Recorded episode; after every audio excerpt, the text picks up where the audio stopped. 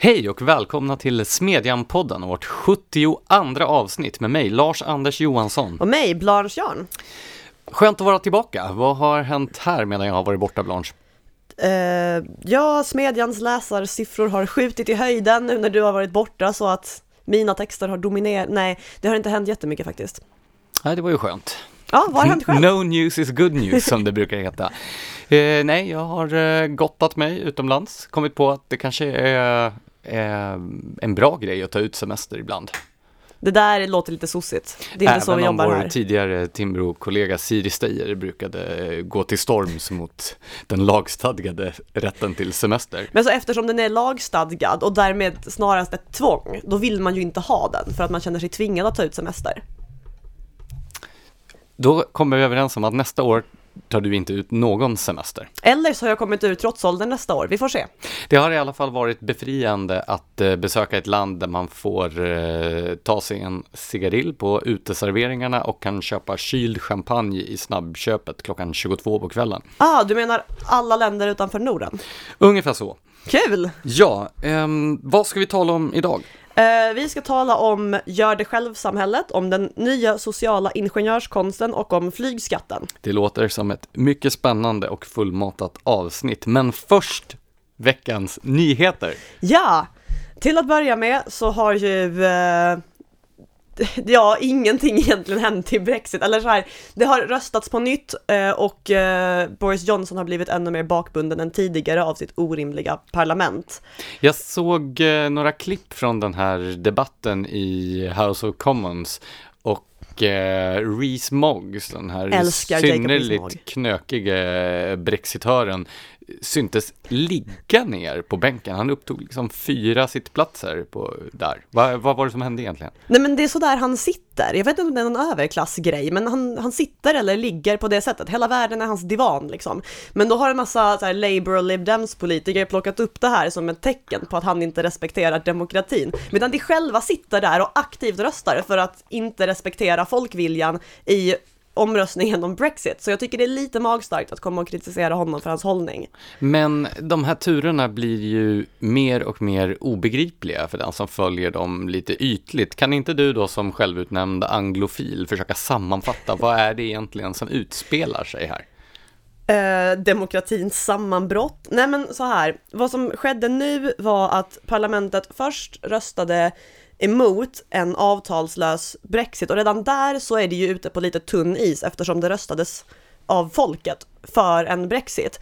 Underförstått en Brexit Vi kanske ska backa bandet ända till från början. Först har ju då britterna röstat för en Brexit och sen har även parlamentet röstat för en Brexit. Precis. Men nu håller man på och obstruerar. Man jag tror det sammanlagt först... röstade ner åtta olika typer av Brexit för att man inte är nöjd med någon. Och nu så har Boris Johnson gjort ett nytt försök, det förlängde tiden, alltså egentligen skulle ju Storbritannien ha lämnat EU vid det här laget i våras. Nu har man förlängt det till sista oktober.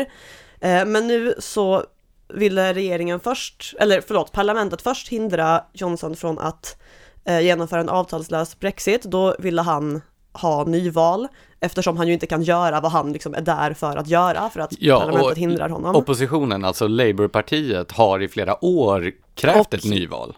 Ja, precis. Eh, Så de borde vara nöjda nu. Men de vill inte alls ha ett nyval utan la ner sina röster. Det gjorde även delar av eh, Liberal Democrats. Eh, vissa röstade emot nyvalet. Så varför vill Labour helt plötsligt inte ha ett nyval längre? Eh, för att det vill tvinga Boris Johnson att gå och tigga om ännu en förlängning och hålla britterna kvar ännu längre i EU mot deras vilja. Eftersom det tycker att det är så man respekterar demokratin och det är fine så länge man sitter rakt i sin stol. Men vad är, vilka är de två läger som står emot varandra här? Boris Johnson har deklarerat att han kommer att genomdriva en Brexit med eller utan ett avtal med EU. Och hans motståndare då i alla partier, vad, vad är deras agenda? Vad vill de uppnå? Det är ju väldigt olika. Vissa vill ju uppnå en Brexit med ett avtal eh, som kan se ut på hundra olika sätt och vissa vill eh, inte ha någon Brexit alls utan låtsas som att folkomröstningen aldrig skedde och andra vill ha en ny folkomröstning. Alltså idén att det ska finnas två läger är väldigt optimistisk här. Det finns fler. Ehm, men grejen är i princip har ju Boris Johnson nu att välja mellan att respektera parlamentet eller att respektera folket. Men när det gäller EU och och eh, folkomröstningar så brukar det väl i alla länder gå till så att folk får rösta om och om igen tills... Det röstar rätt. Ja. Ja. Eh, men jag hoppas att eh, de brittiska politikerna liksom tar sitt förnuft till fånga och gör som de har lovat att göra. Det skulle vara trevligt. Men kommer mannen som delar dina initialer att kunna sitta kvar då? Jag menar, hans situation nu är väl nästan lika omöjlig som Theresa Mays var när hon kände sig tvungen att avgå. Ja, alltså Boris Johnson är ju bättre på många sätt än Theresa May. Ja, nu Men- är jag inte ute efter en recension utan snarare Och så har han har- schyssta initialer också. För att inte tala om frisyren som kommenteras överallt. Nej, men alltså eh, om Theresa May kände sig tvungen att avgå för att hon inte hade något handlingsutrymme kvar längre i Brexit, är inte situationen likartad nu för Boris Johnson? Jo, förutom att så här, det var ju illa nog att hon avgick. Skulle han också avgå? Alltså, det blir ju väldigt stora problem för hela systemet i så fall. Ja, det ska bli spännande, eller är det verkligen spännande att följa det här längre? Det är... Ja, men på samma sätt som man läser en dystopi mot det oundvikliga katastrofala slutet. Vi kommer ju dock vara och bevaka det här på första parkett den sista oktober i London. Ja, det ska bli, det ska bli spännande. Det blir faktiskt se. spännande. Ja. Ja, eh, men eh, det är väl kanske inte så att den här processen har varit en prydnad för den parlamentariska demokratin. Det har varit en sån skam för den parlamentariska demokratin att det är helt otroligt. Och på tal om skam, över till Sverigebilden.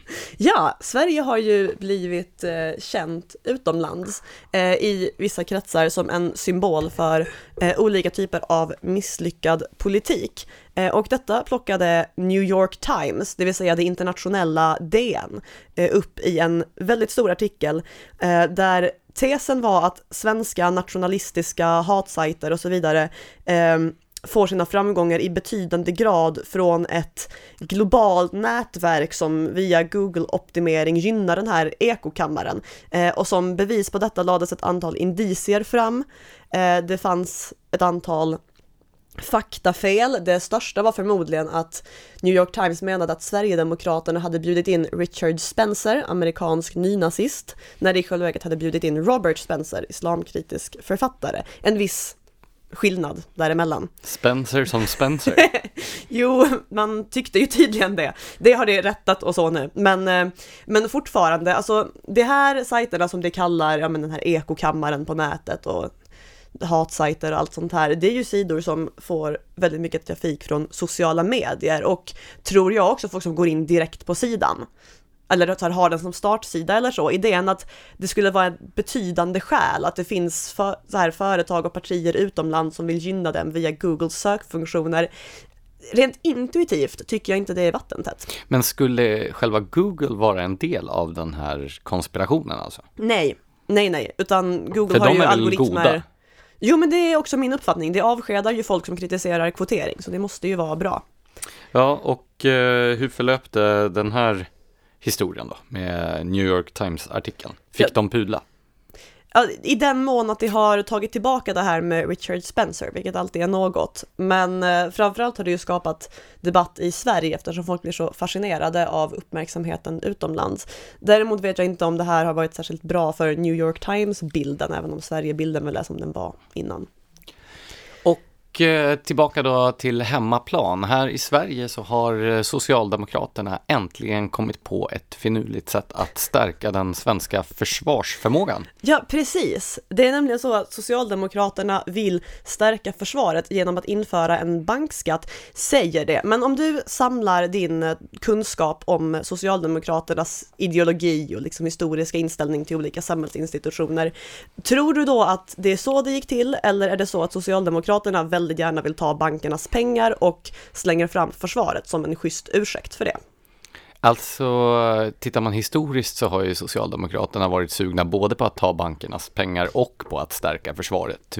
Alltså det är ju lätt att man stirrar sig blind på de försvarsnedläggningar som har skett efter murens fall, men vi ska ju också komma ihåg att under större delen av efterkrigstiden, när Sverige då var alliansfritt, det vill säga att vi var en del av NATO-sfären utan att tillhöra NATO, eh, då byggde ju vår alliansfrihet också på att vi hade en eh, väldigt stark egen försvarsförmåga och försvarsindustri. Med andra ord, vi var beväpnade till tänderna.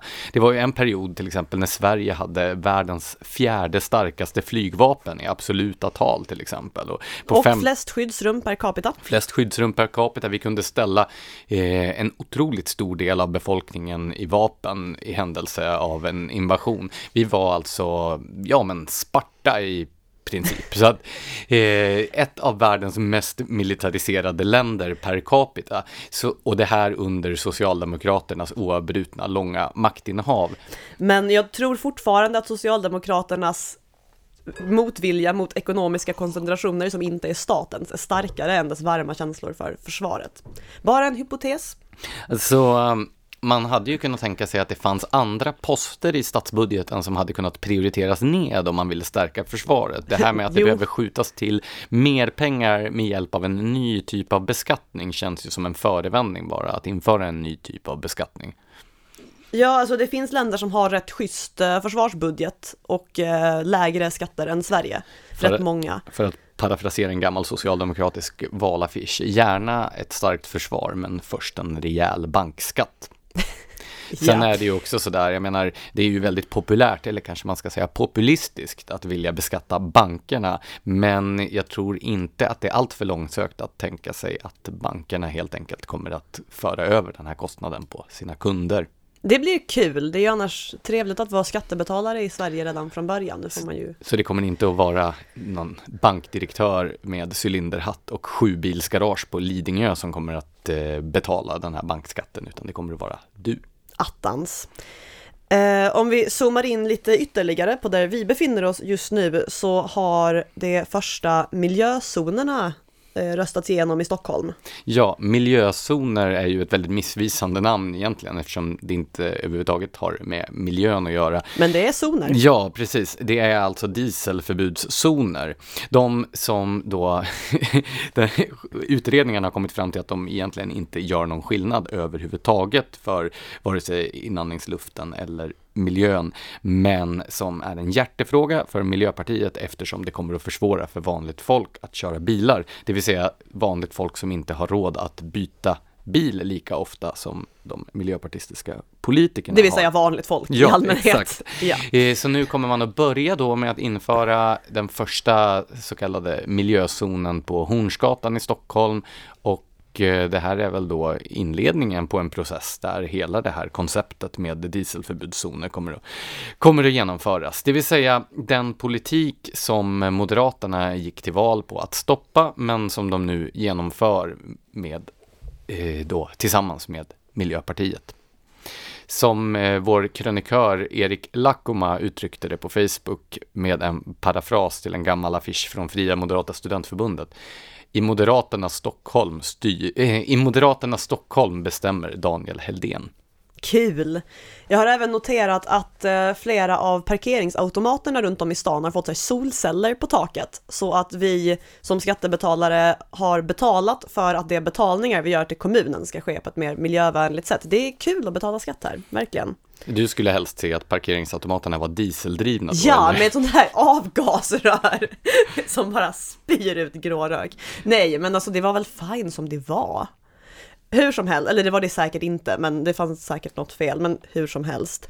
Sen har du gått i taket över att en döv person som inte fick jobb som receptionist på grund av att det i arbetsuppgifterna ingick telefonansvar. Stämmer den här då äh, potentiella arbetsgivaren?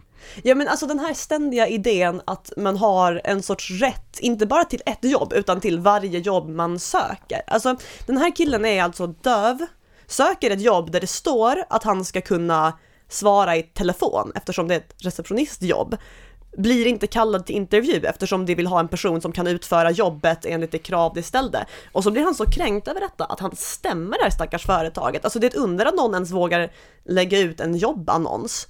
Eh, och facket är på killens sida och tycker att eh, företaget borde ha tittat på hur de skulle kunna anpassa tjänsten efter honom. För att nu när han har sökt så måste ju det anpassas. Alltså, det här är en så bizarr idé som grundar sig i den här föreställningen att man har positiva rättigheter och ska kunna gå runt och kräva grejer av andra bara för att man existerar liksom.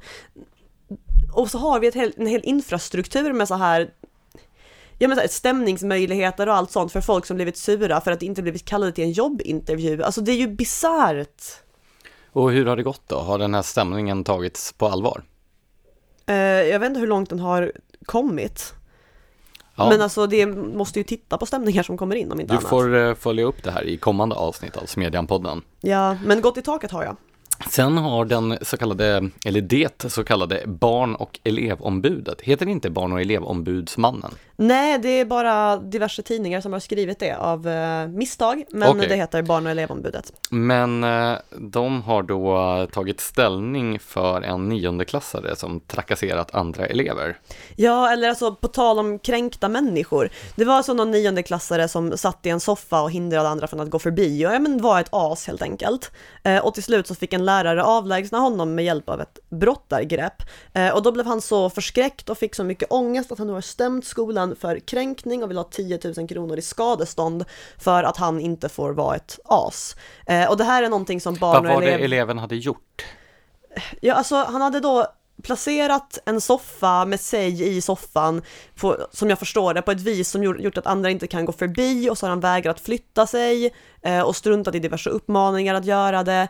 Alltså jag har lite svårt att se det här framför mig, men det är vad det har stått när det har rapporterats om det här. Men stod beteendet i proportion till brottargreppet?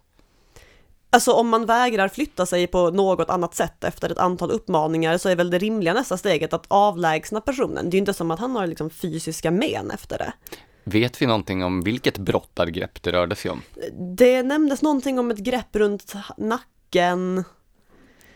Jag har, jag har inte jättebra koll på brottargrepp. jag jag bara associerar till väldigt svettiga män, eller kvinnor för den delen, i oerhört tajta små dräkter som stånkar på golvet. Jag vet inte hur dina lärare i nionde klass agerade. Nej, men det låter ju, just brottargrepp, det är en sån väldigt precis eh, beskrivning. Det var liksom inte ett eh, judogrepp eller ett... Nej men jag har, jag har en vag känsla av att jag har läst att läraren i fråga hade varit brottare. men förhoppningsvis undervisade han i vanliga kläder och så. Jo, men det, det är faktiskt, det finns stora fördelar med det där. Till exempel så är det AIKs brottningssektion som ansvarar för eh, kroppsvisiteringen vid insläppet på eh, AIKs läktare vid fotbollen. Ja, och här i podden har vi ju haft med Rickard Dahlin som nu är lärare och tidigare var ordningsvakt. Men han är väl inte brottare? Nej, men jag tänker att ordningsvakt och brottare ändå faller under lite samma Det är kategori. bra att han har ju tagit upp att han har haft mycket nytta av det i sin roll som lärare. Så jag tänker att det finns fördelar med sånt. Nej, men hur som helst, alltså det här har ju i sig väckt en del debatt eftersom det är orimligt att barn och elevombudet ja, men så här, sitter och kräver kommuner på pengar och driver upp det här till högsta domstolen för att folk inte får bete sig precis hur som helst i skolan.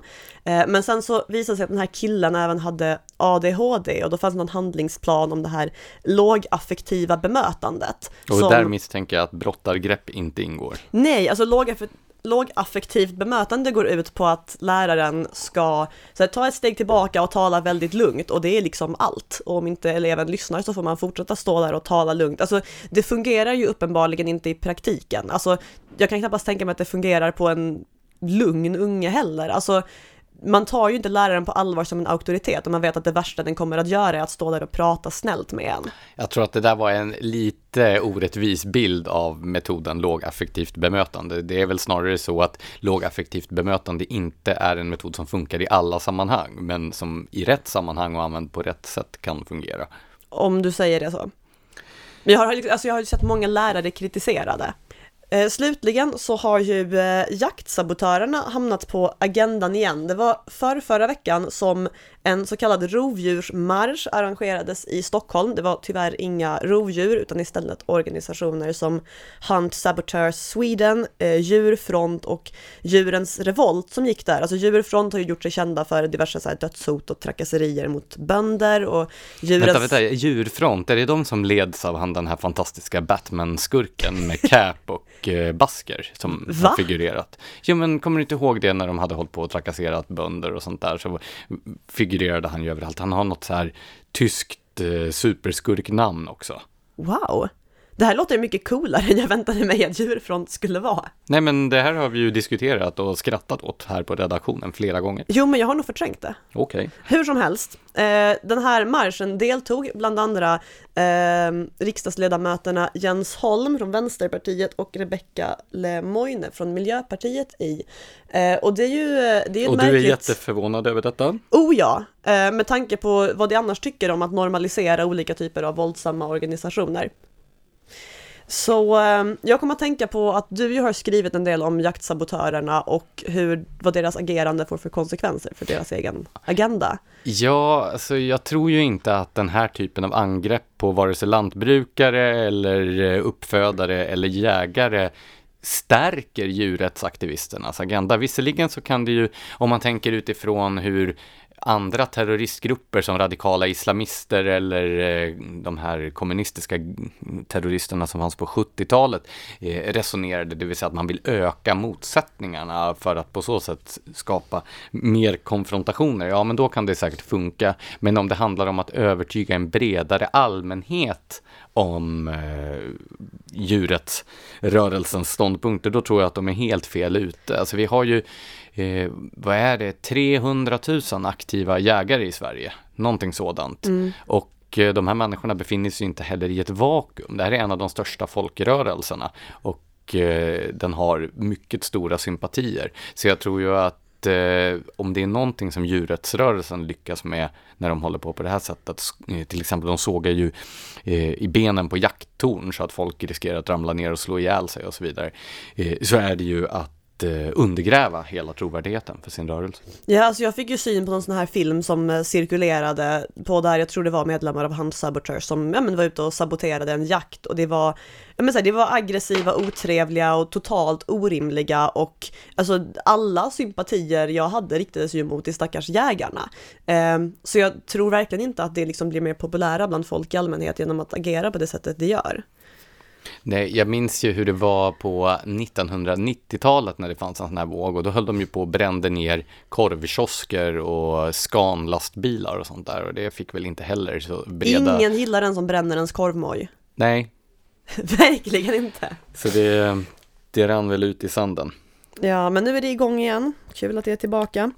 Så innan vi går in på dagens ämnen då, det blev ett ganska långt inledningssegment här, men bara helt kort, vad har vi publicerat i eh, Smedjan? Ett urval av vad vi har publicerat i Smedjan de gångna veckorna. Eh, I måndags publicerade vi en eh, essä om varför rebeller behövs inom storföretagen och inte bara inom alla andra större organisationer av Anders Jonsson som vi också haft med här i podden. Ja, det var ett eh, mycket intressant avsnitt förresten. Det tycker jag att ni ska leta upp i arkivet och lyssna på.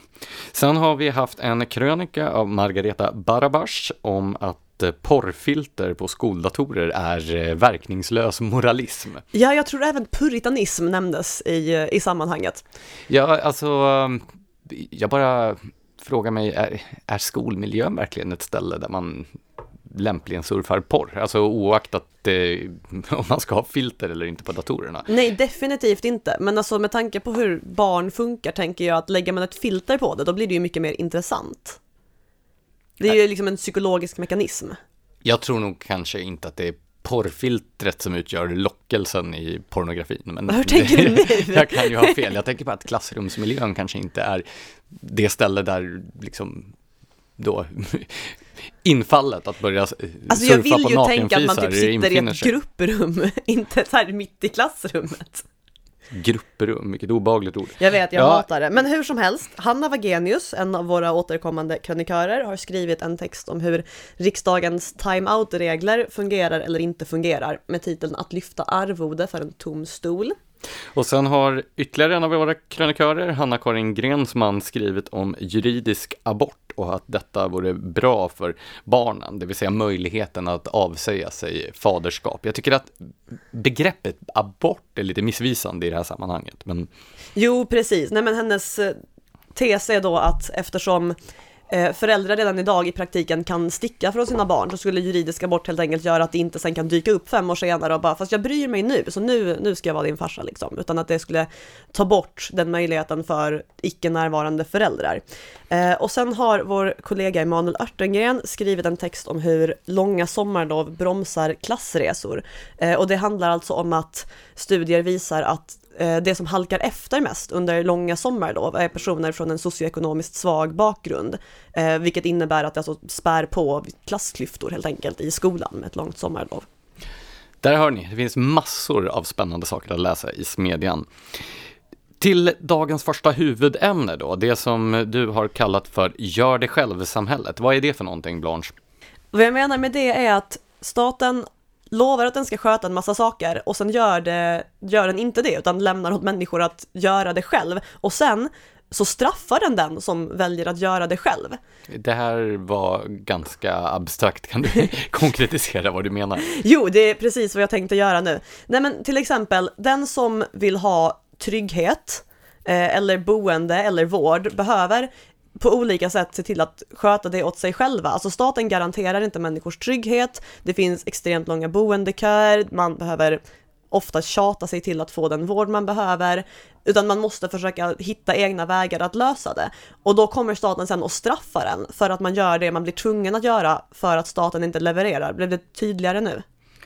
Ja, har du några liksom, konkreta exempel? Okej, okay, låt mig börja med trygghetsfrågan. Alltså, om Sveriges polis och rättsväsende och så hade fungerat så att den som begått ett brott i regel åker dit för vad den har gjort och får ett rättvist straff, då hade det ju varit problematiskt om människor trots detta försökt ta rättvisan i sina egna händer. Eh, men nu har vi en situation där Sverige har blivit otryggare, eh, många allvarliga brott har en löjligt låg uppklaringsgrad eh, och då blir det ibland nödvändigt att försöka skydda sig själv eller försöka skipa sin egen rättvisa. Alltså det är liksom, man har alla anledningar att ta saken i egna händer och göra det själv. Um, och då kommer staten in och straffar den som gör det. Samtidigt som den inte lämnar mycket annat utrymme åt den att göra något annat. Det blir liksom en dubbel bestraffning. Uh, eh, jag tänker till exempel på faktum att man inte får bära vapen i självförsvarssyfte samtidigt som staten inte lyckas hindra kriminella från att ha hur mycket vapen som helst. Men är inte det här ett tecken på att statens agenda i huvudsak är att skydda sig själv och sina egna intressen, inte att skydda medborgarna. Brott mot staten straffas ju oftast hårdare än brott mot andra medborgare till exempel. Ja, alltså det är faktiskt sant. Um, och det finns, alltså, det finns så många fler exempel också. Jag har själv skrivit i Smedjan om det här att det är kriminellt att ha pepparspray och man begår ett vapenbrott om man har det. Alltså, med tanke Var det på... inte det som Sara Skyttedal fick erfara? Jo, precis. I Danmark så får man ju nämligen skydda sig själv med en liten sprayflaska utan att begå ett vapenbrott och då hade hon råkat ta med den över gränsen till Sverige och åkte dit för det. Eh, jag har även för mig att man inte får ta tillbaka egendom någon annan stulit från en. Så om någon snor din cykel och sen så ser du din cykel senare så får inte du ta tillbaka den. Det är också en sån här märklig grej där man inte får göra det själv fastän inte direkt polisen löser stulna cyklar längre. Um, Nej, polisen åker ju inte ens ut när eh, jordbruksmaskiner och sånt blir systematiskt stulna av organiserade stöldligor. Ja men precis. Eh, och jag läste också, det var väl förra veckan, hur eh, Tove Livendal på Svenska Dagbladets ledarsida skrev om en familj i Uppsala som hade en son i yngre tonåren som blivit utsatt för grova och allvarliga hot och trakasserier. Alltså det, det var en väldigt... helt förfärlig historia. Ja, den var hemsk att läsa. Alltså det var verkligen så här klump i magen obehagligt. Eh, och då hade det först vänt sig till barn och ungdomspsykiatrin som rådde familjen att inte polisanmäla för att det skulle göra saken värre. Men det polisanmälde ändå för att ja, men man ska inte komma undan med sån skit som det här som trakasserat deras barn kom undan med. Eh, och då rådde polisen dem att helt enkelt flytta från stan. Och eftersom ingen hade erbjudit dem någon bättre hjälp än anmäl inte och flytta din väg så står familjen nu i begrepp att flytta. Vilket också är ett typexempel på att vill du liksom garantera dina barns trygghet, då får du sköta det själv, för ingen kommer hjälpa dig med det. Uh, och man får alltså ett sorts gör det själv-samhälle, men staten slår ofta ner på det, som om den fortfarande skötte allting den hade åtagit sig att sköta. Uh, och det här mönstret går igen i en massa eh, sammanhang som inte har med just våld och trygghet att göra. Ett annat aktuellt exempel är en man i Ystad som blev akut sjuk i slutet av juli. Eh, och gjorde som man gör i sådana situationer och ringde 112. Eh, och där fick han reda på att det inte fanns några ambulanser tillgängliga utan han fick ta en taxi. Eh, och taxibilar fanns tack och lov tillgängliga, eh, så han fick tag på en och så sa han till chauffören att han behövde komma till sjukhuset så fort som möjligt. Eh, så taxichauffören tryckte gasen i botten eh, och blev stoppad för fortkörning.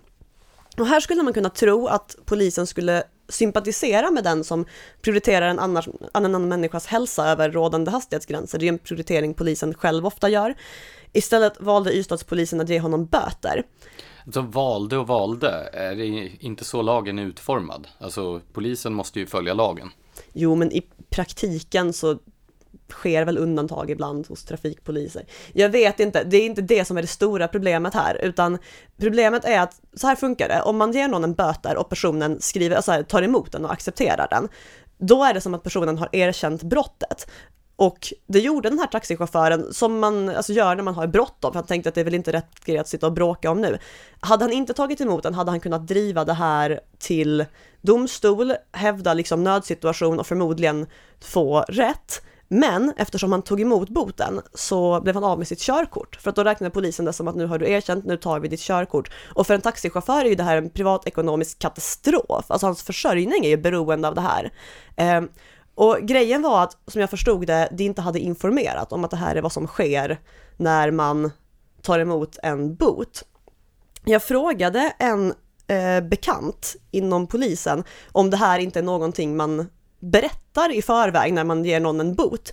Eh, och då berättade den här personen i sin tur att tvärtom så har han sett det riktas kritik inom polisen mot personer som har varit för informativa kring det här.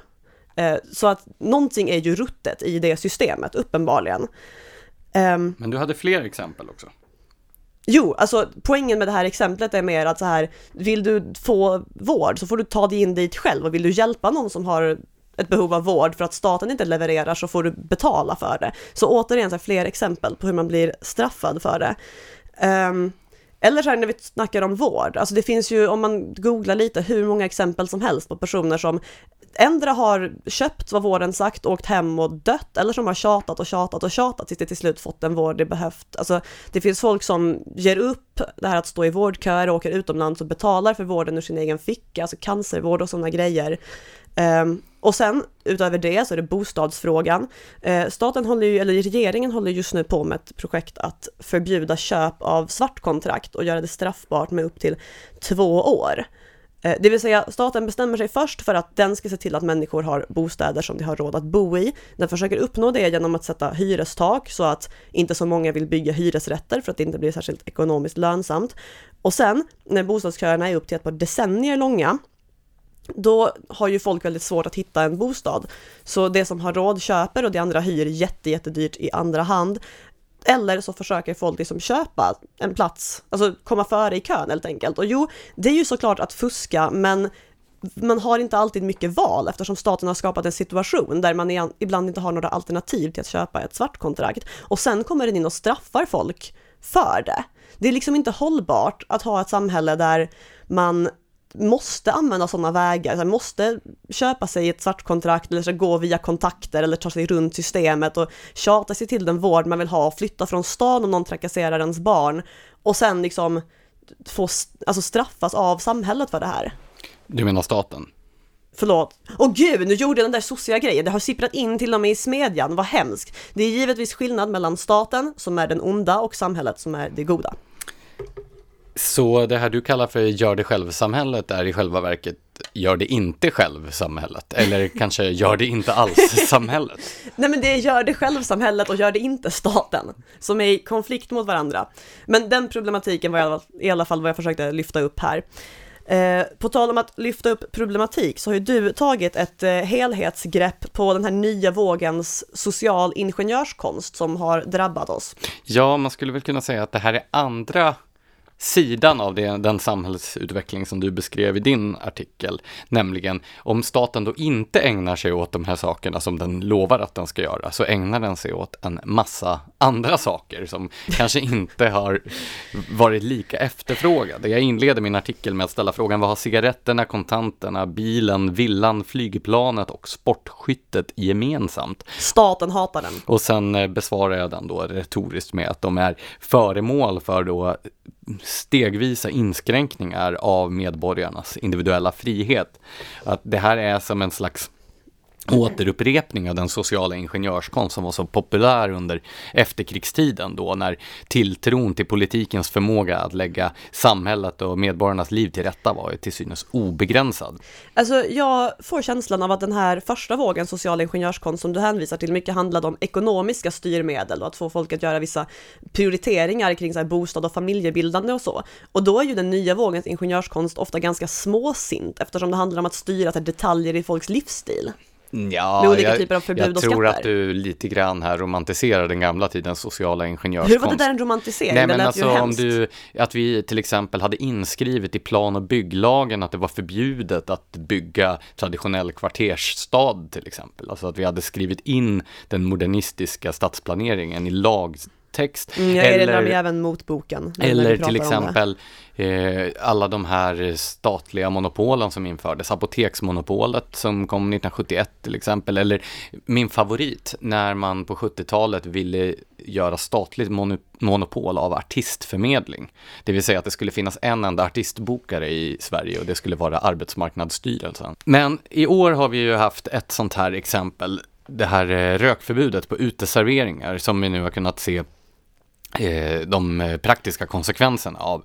Eh, det är verkligen en märklig upplevelse att vara på en uteservering. Så ser man då bord där människor har lämnat sina dryckesglas och tallrikar och sen tio meter längre bort på trottoaren står människor i små klungor och röker. Och när de har lämnat trottoaren så är det en lit, ett litet berg av fimpar som ligger där. Alltså det är en situation som jag tror att ingen föredrar framför hur det var innan förbudet inträdde. Nej, det är jätteirriterande. Alltså min jag har en pub som jag brukar hänga på och jag går förbi den när jag går till och från jobbet. Och innan funkade det väldigt bra för så här, folk satt utanför och rökte och sen så gick folk förbi på trottoaren.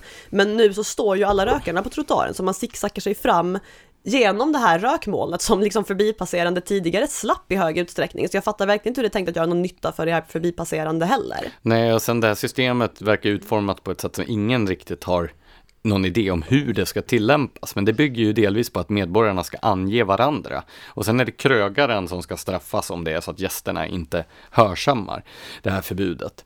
Men det som är intressant med just rökförbudsdebatten är de olika argumentationslinjer som förs från då motståndarna och anhängarna av det här förbudet.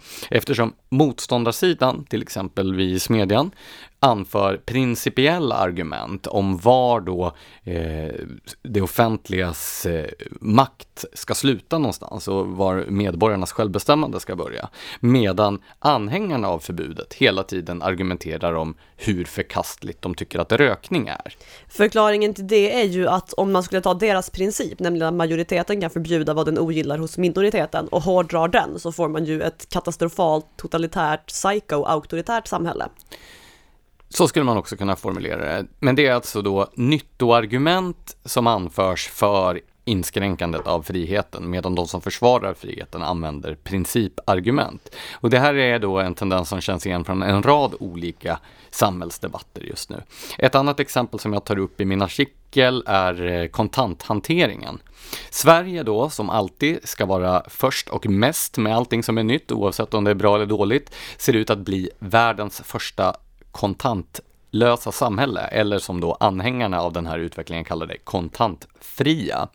Och enligt en studie som kom tidigare i år så kommer Sverige att vara i praktiken kontantfritt redan år 2023. Detta trots att 72 procent av svenskarna vill kunna använda kontanter även i framtiden. Det här är alltså en utveckling som genomdrivs mot majoritetens vilja. Ja, där är det också intressant, för jag har också skrivit om samma rapport och jag kommer ihåg att även bland unga är ju en majoritet för att kunna använda kontanter, så det är liksom inte som att det som använder kontanter håller på att försvinna bort heller, utan alla är emot det här, alla grupper. Ja, det är en majoritet som vill ha kvar kontanterna, men När friheten inskränks på det här sättet på tvärs mot majoritetens önskemål så är det ofta oheliga allianser av intressenter som driver på utvecklingen. Och I det här fallet så är det bland annat då bankerna som har ett intresse att slippa kontanthanteringen eftersom sedan staten privatiserade kontanthanteringen har storbankerna då eh, velat minska kostnaderna för detta och då eh, genom att minska användningen av kontanter. Så de har gjort det dyrare och krångligare eh, konsekvent att eh, hantera kontanter. Men det är också fackförbunden som då vill minska kontanthanteringen, framförallt då inom detaljhandeln eftersom, och kollektivtrafiken, eftersom det minskar rånrisken. Man skulle även kunna tillägga att digitala pengar lämnar mer spår än kontanter och staten förstås har allt intresse av att öka sitt kunskapsövertag gentemot medborgarna och liksom ha bättre koll på oss. Det är också en, ett motiv man måste räkna med. Så här kan man ju så säga att statens misslyckande med att upprätthålla lag och ordning som du nämnde tidigare får då till konsekvens att istället för att fackförbunden säger nej men ni måste bura in alla rånare så säger de att nej men vi ska sluta använda kontanter för då slipper vi bli rånade.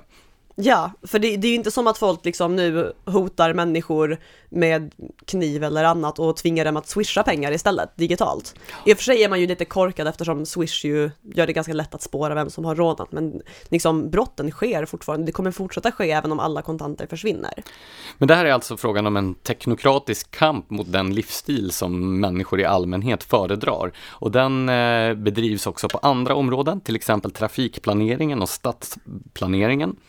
Eh, till exempel då, privatbilismen ökar i Sverige, både i termer av att fler skaffar bil och att det körs allt längre sträckor. Men politiker och trafikplanerare på de kommunala trafikkontoren då driver en linje att aktivt försämra framkomligheten. Miljözoner, anyone? Ja, nej, men det här är ju tydligt till exempel i Stockholm, där då trafiken ökar naturligtvis när befolkningen ökar. Alla tra eh, transportslag ökar när det flyttar in fler människor. Det är ju inte så svårt att räkna ut. Men Istället då för att försöka sträva efter att infrastrukturen ska hänga med befolkningsutvecklingen så driver då politikerna på för att aktivt försämra framkomligheten, till exempel genom att stänga av gator och ta bort eh, körfält och så vidare.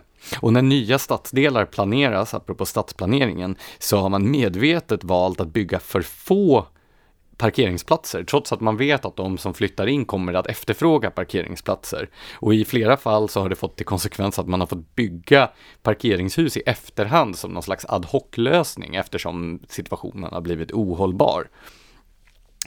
Eh, och argumenten då för den här eh, fra minskade framkomlighetslinjen har varierat. Tidigare så brukade man anföra säkerhetsargument och miljöargument. Men i takt med att biltrafiken har blivit säkrare och miljövänligare så har eh, det mer och mer kommit att handla om då att man tycker att biltrafiken tar upp onödigt mycket plats enligt teknokraterna. Alltså den här eviga effektiviseringen av samhället där man ska ta upp så lite plats som möjligt och bete sig så liksom strömlinjeformat som möjligt. Det är ju en obehaglig vision. Ja, och vad som är onödigt och inte är ju naturligtvis en bedömningsfråga. Medan teknokraterna på, inom politik och stadsplanering verkar anse att då den individuella mobiliteten är onödig så tycker medborgarna någonting helt annat eftersom de fortfarande föredrar bilen framför andra transportslag trots de här ansträngningarna att göra det både dyrare och svårare att äga och köra bil. Ja, alltså det är ju inte som att inte bilen har fördelar gentemot bussen i det att man har lite privat utrymme och kan styra över sitt eget schema lite mer och Ja, men den går inte att ersätta med kollektivtrafik. Alltså i eh, storstadsområdena så är kollektivtrafiken redan belastad till bristningsgränsen. Det går liksom inte att flytta över trafik från eh, andra transportslag och tittar man utanför de tätbefolkade områdena så är ju inte kollektivtrafik ofta en lösning. Personbilstrafiken står fortfarande för nästan 80 procent av alla persontransporter i Sverige och det kan jämföras med den spårbundna trafiken, alltså tunnelbana, spårvagnar, pendeltåg och fjärrtåg tillsammans som utgör 10 procent av persontransporterna. Så eh, det här med att biltrafiken skulle vara onödig är ju minst sagt en sanning med modifikation. Men det hindrar inte teknokraterna för att använda den typen av argument även i andra debatter, till exempel bostadsplaneringen och eh, stadsplaneringen för bostadsbyggande. För trots då att en förkrossande majoritet av svenskarna helst av allt önskar att bo i stadsnära villabebyggelse med egen trädgård som de själva äger, så drivs det en aktiv politik och en aktiv stadsplanering för att det inte ska byggas fler villor utan istället ska det byggas fler hyresrätter i flerfamiljshus. Nice alltså, och yteffektivt. Ja, den boendeform som nästan ingen efterfrågar. Så att hyresrätten är politikernas och stadsplanerarnas baby, men eh, befolkningen vill ha egna villor. Och precis som med privatbilismen så kritiseras villabebyggelsen av teknokrater för att den tar upp onödigt mycket plats. Och därför planeras nästan inga nya villaområden och ännu värre då, befintliga villor rivs och ersätts av höghusbebyggelse. Till grannarnas förtret naturligtvis också. Ja, alltså det här effektiviseringsargumentet dyker ju upp även i, eh, i rökfrågan. Alltså när man diskuterar fram och tillbaka vilka risker man ska få ta med sin egen kropp och vad man liksom väljer att inhalera i den och så vidare, så kommer alltid till slut någon och lyfter upp det här att ja, men man kostar ju faktiskt pengar för, du vet, det allmänna eller någon annan omskrivning för skattebetalarna. Um, och därför borde man inte få röka. Um, och det är också idén att så här, först tar vi alla era pengar, men sen ska ni se till att inte liksom belasta den här potten av era pengar för mycket. I själva verket borde ju alla som har tvingats betala in till potten också ha rätt att få pengar ur den, om vi nu ska ha ett sånt system. Men tanken är då, nej men det är inte effektivt att röka för att man, eh, man blir en samhällsekonomisk belastning. Dessutom är det någonting man kan ifrågasätta om vi nu ska liksom ge oss in på den sortens argument, för att man dör ju i snitt tio år tidigare. Och liksom tio års pensionsutbetalningar, om vi nu ska ha det här obehagliga argumentet. Alltså det blir så fel att tänka på människor i effektivitetstermer. Sen finns det ju också en rättviseaspekt av allt detta. Och det borde ju inte minst intressera människor på den politiska vänsterkanten. För när man istället för att bygga mer av den typ av bostäder som flest människor efterfrågar. Så att priserna på villor sjunker och det blir möjligt för fler att bo på det sätt som de själva vill. Så driver politiken och samhällsplanerarna på för att göra villaboendet till en ännu mer exklusiv boendeform som bara de allra rikaste har råd med. Det här var ju det som eh, då egna hemsrörelsen både till höger och vänster motsatte sig en gång i världen. Och eh, det ser man ju nu på prisutvecklingen av de gamla egna hemsområdena också, att de här villorna som ofta byggdes som byggsatser av arbetare själva, de betingar ju jättehöga värden idag. Ja, jag kommer osökt även att tänka på flygdebatten där man ju försöker göra flyget så dyrt och exklusivt som möjligt för att begränsa antalet personer som har råd och möjlighet att njuta av det. Ja, precis. Och det är många olika typer av sådana här fritidssysselsättningar som nu, nu får stryka på foten just för eh, för den här teknokratiska effektivitetstanken. Flygskam är ju ett sådant exempel där då bara de rikaste ska kunna eh, flyga runt. Och sen eh, ett annat exempel som vi ofta har skrivit om i Smedjan, det är ju detta med eh, jägarna och sportskyttarna som får se sin verksamhet hela tiden kringskäras. Eh, I eh, storstadsområdena så försvinner i princip alla skjutbanor för att kommunala samhällsplanerare och politiker vill få bort dem. Så kan det vara anläggningar som har funnits i, ja, men i över hundra år som helt plötsligt då inte får vara kvar på grund av bullerregler.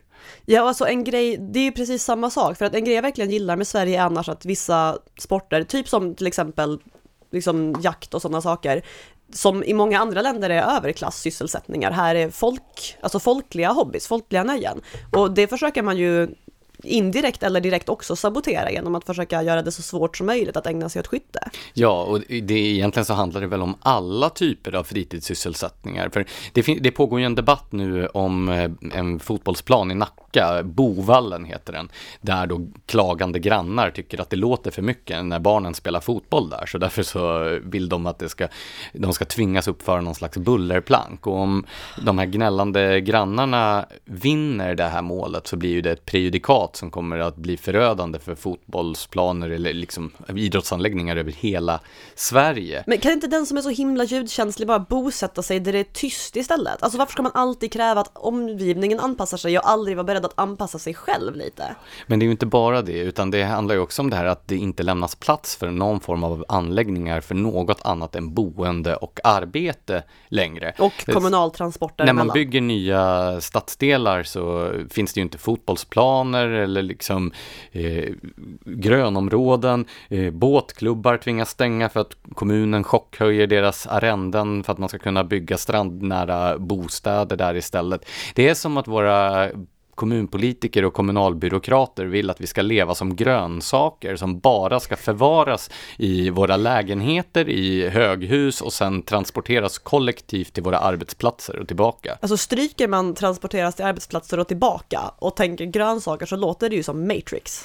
Ja, nej, jag associerar till Charles Fouriers idé om det perfekta samhället, falangstären, där alla ska bo i gigantiska kollektivboenden och utföra då eh, ändamålsenliga sysselsättningar enligt en liksom, generalplan. Mm, För... Även Jevgenij Samjatins Vi har ju samma idé, att här, man har rutat in hela dagen enligt någon sorts lycko och nyttooptimerande idé utom någon, den här 24 timmen man får ha kvar att disponera över fritt.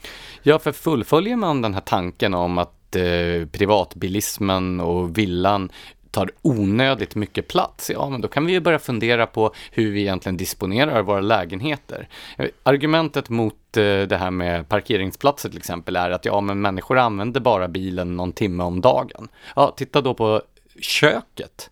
Hur många timmar om dagen använder man sitt kök? Vore det inte bättre då om alla som tvingas bo i de här höghusen hade gemensamma kök. Man skulle kunna ha storkök till exempel. Så äter vi i gemensamma matsalar.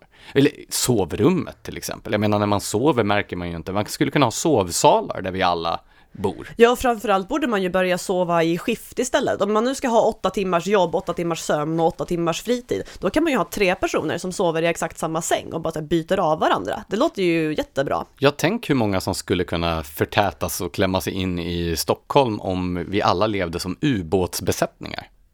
Ja, jag ser inga nackdelar med det här alls. inga nackdelar alls. Nej, men problemet med teknokraternas nyttoargumentation är ju att nyttoargumenten har ju inget som helst värde om man inte deklarerar vad som är ändamålet med hela projektet. Alltså underförstått så fattar vi ju att ändamålet med det här projektet är att effektivisera och ytminimera alla människor. Eh, men det är ju klart att man inte vill deklarera det ändamålet eftersom ingen gillar det. Ja, det är som de här människorna som förfäktar eh, återinförande av fastighetsskatt eftersom den då ska göra arbetsmarknaden mer flexibel och boendet mer effektivt. Det vill säga att man ska beskatta ut människor, framförallt änkor och människor i den situationen, från deras bostäder så att teknokraterna själva kan flytta in i deras lägenheter. Mm. Så det inte tar upp onödigt mycket plats för teknokraterna. Eller hur? Men den som inte betraktar samhället som ett jättestort projekt som ska vara så effektivt som möjligt och medborgarna som kuggar i ett maskineri, utan snarare demokratin som någon slags ramverk som ska ge medborgarnas åsikter genomslag och skapa ett ramverk där människor kan försöka förverkliga sig själva och leva det liv de vill, har skäl att vara uppmärksam på de här stegvisa frihetsinskränkningarna oavsett om det handlar om till synes triviala saker som cigaretter eller kontanthantering. Ja, alltså på tal om det har jag ju också skrivit en text som egentligen både knyter ihop ditt och mitt ämne men också blir lite av ett praktiskt exempel på hur det här funkar. Jag tänker nämligen på flygskatten. Alltså den infördes ju i april 2018 och redan då så varnade flera flygbolag för negativa konsekvenser det skulle kunna få. Eh, bland dem SAS som eh, sa att man kanske skulle bli tvungen att flytta flyglinjer från Stockholm till Köpenhamn eftersom det skulle bli mer ja, men vettigt och lönsamt med den här Alltså inte flyglinjer från Stockholm till Köpenhamn som flyttas, utan flyglinjer från Stockholm flyttas till Köpenhamn. Ja, ja. ja. Bra förtydligande. Um, och det här har nu skett. I dagarna så meddelade SAS att flyget till Los Angeles i framtiden inte kommer att avgå från Stockholm utan från Köpenhamn. Eh, och även konkurrenten Norwegian har tidigare dragit in flyglinjer från Sverige till både San Francisco och Las Vegas som en direkt konsekvens av flygskatten. Eh, så den som vill resa dit med Norwegian får istället mellanlanda i London och SAS-resenärer som vill flyga till Los Angeles antar jag då får mellanlanda på Kastrup. Eh, och det är inte bara tråkigt för dem, utan egentligen även för klimatet eftersom flygsträckan blir längre. Alltså... Ja, jag misstänker att den som har bestämt sig för att flyga till Los Angeles kommer nog att göra det oavsett om den tvingas att först flyga till Köpenhamn och sen flyga den längre sträckan från Köpenhamn till Los Angeles. Jag tror inte att det är så här, jaha, nu har vi ingen direktlinje längre så att jag struntar i att åka till Kalifornien som jag hade planerat. Ja, men alltså sociala ingenjörer har ju alltid den här idén att man kan vrida på så här pyttesmå reglage och åstadkomma lite småskillnader och då kommer folk folk bara, nej nu blev det för jobbigt så nu skippar jag det här. Alltså om man inte ens kunde få bort alkoholen ur USA genom att förbjuda den, kommer inte en liten skattehöjning att få folk att ändra sin livsstil? Alltså man, det fattar inte riktigt hur människor funkar. Fast jag får ju känslan av att de här sakerna mer handlar om att man ska straffa människor än att man ska ändra deras beteende. Visst, du kanske vill flyga till Los Angeles, men du ska minsann få mellanlanda i Köpenhamn först, din jävel. och betala extra. Jo men faktiskt, eller vad jag presenterar i den här texten är ju då en tredje teori kring varför man egentligen inför den här sortens politik. Alltså det handlar ju inte om att göra saker lättare för oss medborgare och det handlar inte särskilt mycket om att gynna klimatet heller. Staten utredde ju själv flygskatten inför dess införande och kom fram till att den enbart kommer att minska koldioxidutsläppen från svenskars flygresor med mellan 0,5 till 2 procent, alltså pyttebitar. Och det är alltså pyttebitar av svenskars flygresor i världen som är en bråkdel av flygresor i världen i allmänhet. Och flygresor i världen i allmänhet orsakar i sin tur bara 2,6 procent av världens totala koldioxidutsläpp enligt luft Luftfartsverket. Så det är verkligen så här pytte, pyttesmå eventuella skillnader på marginalen. Ett slag i luften skulle man kunna säga. Haha, ja. Och nej, nu kommer jag på så många sådana här usla flygmetaforer att dra. Kan du inte skriva ner dem på en liten lapp? och sen lägga dem i papperskorgen där under ja. ditt skrivbord. Ja. Eh, nej men hur som helst, varför då driva igenom en politik som varken gynnar medborgarna eller gynnar klimatet? Min teori är att regeringen tror sig gynna Sverigebilden. Alltså ledande politiker ur alla läger talar ju väldigt gärna om hur Sverige ändra är eller ska bli eller ska fortsätta vara en internationell förebild i klimatfrågan. Eh, och det hänger ju ganska mycket ihop, den här tendensen man skämtar om ibland att Sverige gärna vill se sig själv som en moralisk supermakt i brist på att ha lyckats vara super på andra områden. Um, när det handlar om den här sortens imagefrågor så kan ju symbolpolitik tänkas vara mer effektiv än symbolpolitiken är mot till exempel klimathot. Um, och visserligen måste man tänka på att det primära syftet bakom alla skatter alltid är att staten ska tillskansa sig mer av våra pengar. Alltså follow the money-principen funkar jättebra på skattefrågor. Men när det gäller punktskatter så riktas ju det mot saker våra politiker vill markera mot. Eh, bensin, cigaretter, eh, storbanker och förstås flygresor. Eh, här blir ju effekten i praktiken att utsläppen bara outsourcas till andra länder, men det får ju Sverige att se bättre ut, för då kommer ju färre flygresor att avgå ifrån Sverige. Eh, ja, det här får mig också att tänka på ställningstagandet mot plastpåsar, som ju är ungefär lika ineffektivt. Plastpåsar är, som vi har talat om tidigare här i podden, eh, mer miljövänliga än alternativen och dessutom kommer upp till 95% av plasten i haven från 10 flodsystem varav inget är överhuvudtaget i närheten av Sverige. Så man gör inte jättemycket bra för klimatet, man gör människors vardagar jobbiga eh, och ändå, trots det här vill Sverige gå längre än EUs krav på förbrukningstak och förbud och sånt. Jag får helt enkelt intrycket av att Sverigebilden här går före klimatet. Det är liksom viktigare att se ut, att göra saker än att faktiskt göra någonting bra. Um, men sen måste man också tänka på att som vi ju har talat om i början av den här podden så har Sverigebilden en del problem. Alltså Många lyfter fram att Sverige till exempel inte har hanterat vare sig brottslighet eller migrationsfrågan särskilt snyggt. Och ur ett annat läger, som till exempel exemplifierades av New York Times, så tar man ju upp Sverige som ett skräckexempel på hur högerextremism och nationalism och sånt har fått fäste. Så att folk ser inte jätteljust på Sverige just nu utomlands. Och att då fokusera på att skrämma bort flygbolag från Sverige och göra plastpåsar dyrare riskerar ju att få Sverige att se ännu mer verklighetsfrånvänt och dysfunktionellt ut snarare än att fås att se ut som en ja, klimatmoralisk supermakt. Ord. det är alltså så Lars-Anders försöker försvenska uttrycket word. Blanche står här upp på bordet på redaktionen med en knuten näve i luften och håller sitt brandtal. Ja, varje morgon. Ja. Men särskilt när vi spelar in podd. Så det börjar bli dags att avrunda det här avsnittet, men eh, har vi fått någon lyssnarkommentar eller läsarkommentar sen sist? Det borde vi väl rimligtvis ha fått.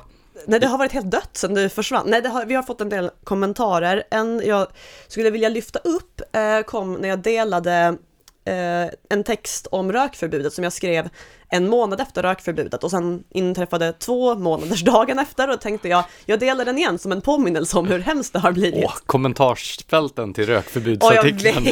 The gift that keeps giving. En outsinlig källa av märkliga kommentarer, men också kommentarer som ger möjlighet att plocka, plocka upp vissa principiella frågeställningar. På den här andra delningen av min rökförbudstext så skrev en person vid namn Lage Löfgren så här.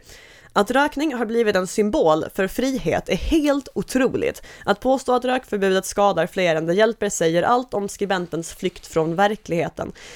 Jag skulle jättegärna lyckas bättre med att fly undan verkligheten, men jag befinner mig fortfarande i den, är jag rädd. Vad gäller det här med att rökning har blivit en symbol för frihet, så är det inte alls så otroligt som man tydligen skulle kunna tro, utan rökning blev en symbol för frihet när regeringen bestämde sig för att försöka begränsa ens frihet att röka. Alltså det är ju staten, riksdagen, regeringen som laddar cigaretter med politiskt värde. Innan dess var det bara en rökbar pinne man kunde få cancer av. Ja, jag skulle nog säga att rökning blev ju i ett avseende en symbol för frihet redan under tidigt 1900-tal när tobaksbolagen lanserade cigaretten som frihetssymbol, Mar Marlboro-mannen och så vidare. Så att den, eh, den konnotationen har ju funnits hela tiden. Det som är intressant nu är ju att den har blivit en slags motståndssymbol mot statligt förmynderi. För alltså Titta på eh, svenska spelfilmer från 60, 70, 80-talet när folk, alltså folk röker ju som borstbindare hela tiden. Bergman-filmerna är ju tydliga exempel på detta. Och, vilket sannolikt har ett samband, folk ser också tio år äldre ut än vad de är jämfört med vad människor gör idag. Så att det, det är möjligt att den här rökningen fick en del konsekvenser för människor. Och att rökningen har minskat handlar väl i stor utsträckning också om att människor har blivit mer medvetna om de här negativa konsekvenserna. Men när då människor har slutat vara tobaksberoende, lever hälsosammare, allt borde vara frid och fröjd, då glider då statsmakten in och inför de här onödiga och korkade förbuden som gör att folk bara, nej men det kanske vore ganska nice att börja röka igen. Ja men det är ju exakt vad jag känner, alltså jag får ju alltid också en massa kommentarer på de här texterna på temat sluta röka och så här, jag röker inte. Eh, det utgår ifrån att jag gör det för att det tänker sig att alla icke-rökare hatar rökare, bara för att de själva gör det. Men det gör jag inte. Däremot så, alltså ju mer politik som syftar till att få mig att sluta röka, desto mer känner jag ibland att det är rätt trevligt att ta en cigarett då och då, för att det känns som en motståndshandling. Ja, det, men det är ju så otroligt dum och kontraproduktiv politik. Men eh, han, vad hette han, Lövgren, ja. han har ju rätt i att det är ju faktiskt helt otroligt att cigaretten har blivit en frihetssymbol här i kampen mot förmynderiet. Tack men, för det regeringen. Men det är ju förmynderiet som är problemet och inte friheten. Ja, ord! Ord. Och med dessa ord så vill vi tacka så mycket för att ni har lyssnat. Rekommendera er att uh, följa oss på alla möjliga ställen, att ge vår podd höga betyg överallt där ni kan uh, och att förstås gå in på www.timbro.se smedjan där ni hittar alla våra alster. Tack för att ni har lyssnat.